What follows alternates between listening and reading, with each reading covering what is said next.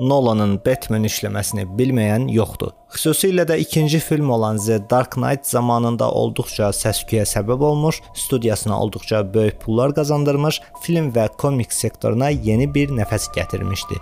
Yaxşı, bəs nə idi bu filmi bu qədər baxımlı edən? Necə olur ki, bir komiks filmi, hansı ki çox adam ciddiyə almırdı o dövrəm, bu qədər populyar və sevilən olur? Təbii ki, buna təsir göstərən bir çox amil var. Məsələn, ssenariyo, rejissor işi, büdcə və s. və s. Ancaq məncə bu filmi bu qədər yaxşı edən onun baş qəhrəmanı yox, məhz anti-qəhrəmanıdır.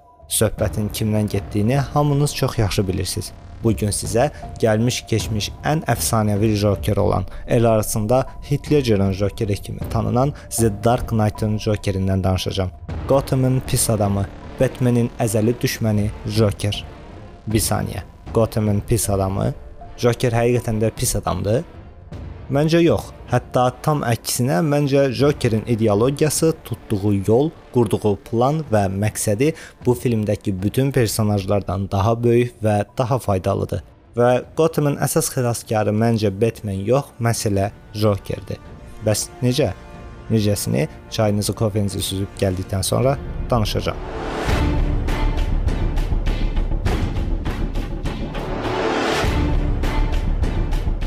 Bilirik ki, Joker film boyu Batman'in düşməni kimi görsənir, lakin filmin sonunda görürük ki, əslində bütün bunlar Jokerin bir planıdır. Yaxşı, bəs nədən ibarətdir bu plan? Bu plan sonda hər kəsin daha yaxşı bir dünyada yaşamasıdır. Qulağa biraz qəribə gəlsə də, Joker və Batman'in yaşadıkları yer, yəni Gotham şəhəri o qədər də ideal bir yer deyil. Əksinə bu şəhərdə məmur özbaşınalığı, rüşvət, mafiya, LGBT problemləri, qiymət bahalaşması və qadın cinayətləri baş alıb gedir. Videolar yayılır, hamı bunu paylaşıb qınayır, müxalifət isə buna baxmayaraq dəxlisiz işlərlə məşğul olur. Gündəmi dəxlisiz təcavüz xəbərləri zəbt edir, digər tərəfdən isə maaşlar düşür və insanlar gedərək iş tapmaqda çətinlik çəkir. Şəhərin qeydinə qalırmış kimi görsənən Batman isə insanlar tərəfindən heç də qəhrəman kimi qarşılanmır. Əksinə öz ədalətini özü bərpa edərək insanlarda qıcıq yaradır və bəzi insanları hətta cinayətə təşviq edir. Tam da elə bu zaman Joker adında biri şəhərdə peyda olur və şəhərdə gözlənilməz hadisələr baş verməyə başlayır. Bütün mafiya başçıları sırasıyla öldürülür, mafiya qruplaşmaları dağıdılır. Rüşvətxor məmurlar həbs edilir və siyasətçilər öldürülür. Şəhərin sevilməyən qəhrəmanı Batman isə 8 illiyinə tənhaya çəkilir və bütün bunlar Jokerin planı sayəsində baş verir. Hər nə qədər özü əksini iddia etsə və anarxiya, xaos tərəfdarı olduğunu desə də, əməllərindən görürük ki, əslində bu belə deyil. Ən başdan o mafiyanın kontrolu altında olan bankı yararaq bütün pulları oradan oğurlayır. Bu yolla o həm mafiyaya zərər vurur, həm də oğurluğa getdiyi adamları bir-bir öldürərək şəhəri ən böyük quldur dəstəsindən təmizləmiş olur. Oradan əldə olunan pullar sayəsində o mafiya ailələrinin içinə sızmağı bacarır və Lao'nun yerini tapır. Lao isə Çində yaşayır və Çin öz vətəndaşlarını vermədiyi üçün Jokerin planının bir parçası olan Batman onu oradan qaçırır. Batman-in sayəsində Lao Joker üçün artıq əlçatan olur. Məhz buna görə də o yalandan həbsə düşür və Lao sayəsində mafiyanın kirli pullarını ələ keçirir. Sonra isə həmin o kirli pulları mafiyanın gözü qarşısında yandırır. Harvey Dent düşünür ki, bütün bu cinayətkarları ələ keçirə bilmək üçün təmizləməyə ən yuxarıdan başlamaq lazımdır, lakin Joker tam əksini düşünür. O düşünür ki, elə ən aşağıdan başlayıb ən yuxarıya qədər təmizləmək lazımdır. Ona görə də o əvvəlcə kiçik qruplaşmalardan və siyasətçilərdən başlayır, dövlət məmurları və daha böyük siyasətçilərlə davam edir. Bu sırada Gothamın azadlığı üçün 3 nəfər mübarizə aparır. Batman, Harvey Dent və Joker. Lakin əslində Batman və Dent özləri də bilmədən Jokerin planına qulluq etmiş olurlar. Bu ikisinin sayəsində Joker satılmış polisləri aşkarlayır və onları dolaylı yollarla məhv edir. Joker əsas iki məsələni həll etmiş olur. Mafiya qruplaşmaları və məmurlar. Lakin ən böyük problem qalır Batman, hansı ki öz ədalətini özü bərpa edir. Yaxşı, bəs Batman qəhrəmandırsa, Joker niyə görə bunu bir problem kimi görür? Niyə Batmanı düşmən kimi qəbul edir?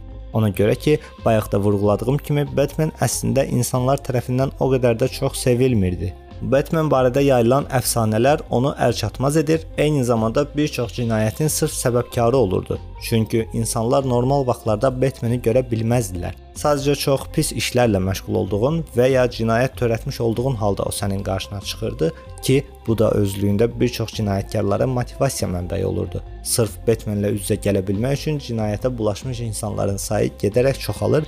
Batman isə özlüyündə çarə olmaq əvəzinə daha da böyük bir problem olurdu. Eləcə də adi vətəndaşlar, hansı ki Batmanı qəhrəman kimi qəbul edir, onlar da Batmanın öz ədalətini bərpa etməsini düzgün qəbul edib, özləri də bu yola əl atırdılar. Hansı ki, belə şeylər demokratik bir cəmiyyətdə yol verilməzdi. Joker də bunu çox yaxşı bilirdi və istəyirdi ki, Batman maskasını çıxarsın, kimliyini aşkar etsin və Batmanliyin loru dildə desək başını buraxsın. Onun məqsədi Batman'i və ya Harvey Dent-i öldürmək deyildi. Çünki Batman və ya Harvey Dent öldüyü halda onlar bu zaman əsl qəhrəmana çevriləcək və bu problemin sonu olmayacaq. Ona görə də həbsdə sorğu-sual zamanı Batman-ə Rachel'ın əvəzinə Harvey Dent-in adresini verir. Ona görə ki, Batman Harvey Dent-i xilas edəcək, onlar ikisi də sağ qalacaq. Rachel'ın ölümü isə Harvey Dent-i artıq anti-qəhrəmana çevirəcək. Yəni Joker bir daşla 3 quş vurmuş olur. Rachel'ın ölümü nəticəsində Harvey Dentin psixologiyası pozulur və o da öz ədalətini özü bərpa etməyə başlayır. Hansı ki nəticədə Batman onu öldürmə məcburiyyətinə qalır. Bu hadisədən sonra isə Batman özü 8 illiyinə aradan çıxmağa məcbur qalır. Çünki Rachel'ın ölümü ona təsir edir və Joker əslində Batmanə öz ideologiyasını sübut edir. O sübut edir ki, Batmanın metodları zərərlidir və insanlara fayda vermək əvəzinə daha da pis yola vadar edir. Eyni zamanda Joker öz metodlarının işə yaradığını, ağır nəticələri olsa da uzun vadədə ən düzgün seçim olduğunu da sübut edir. Məsələn, finaldakı iki gəminin olduğu səhnədə Joker Batmanə sübut edir ki, bu şəhərin bir qəhrəmana ehtiyacı yoxdur. İnsanlar özləri öz vicdanları ilə qərarlar verə bilər və bir-birlərinə əsla zərər verməzlər. Bütün bu qaranlığın və pisliyin içində hələ də yaxşılıq və vicdan mövcuddur. Nəticədə Gotham bütün cinayətkarlardan və pis əməllərdən təmizlənir, ideal bir şəhər olur. Lakin bütün bunlar Harvey Dentin və ya Batman'in sayəsində yox, məsələ Jokerin sayəsində baş verir. Harvey Dent cəmiyyət üçün heç nə etmədən ölür və sadəcə öldüyü üçün bir simvola çevrilir. Batman isə cəmiyyət tərəfindən qəbul edilmir və necə deyirlər, dalından təpiyi qoyurlar. Bir də 8 ildən sonra üzə çıxır ki, onun da səbəbləri növbəti filmdədir. Joker isə heç vaxt adı çəkilməyən gizlin bir qəhrəmana çevrilir, hansı ki ideologiyası kimliyindən daha vacibdir.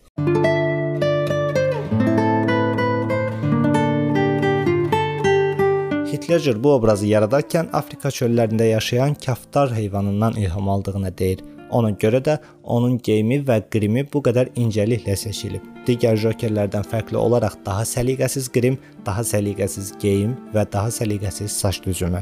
Hətta Hitlerin gəzişi, gülüşü belə kaftarlarla az-çox oxşuyur. Kaftarlar hər zaman pisliyi simvolizə edir. Filmlərdə, animasiyalarda kaftarlar hər zaman mənfi obrazdır. Bu filmdə də Joker eynən kaftarlar kimi mənfi bir obraz kimi görünür. Halbuki kaftarlar əslində pis heç nə etmir. Əslində çölləri ölü heyvanlardan, yayılmaqda olan bakteriyalardan və viruslardan qoruyurlar. Eynən filmdə də Joker mənfi obraz və zərərli biri kimi görünsə də, əslində Gotham çölünü yayılmaqda olan bakteriyalardan və viruslardan xilas edir. Filmin əsas frazalarından biri isə budur ki, hər kəs qəhrəman ola bilər və bu hər kəsin içində məhz Joker də var. Özünə yaxşı bax. Gələn dəfə danışarıq.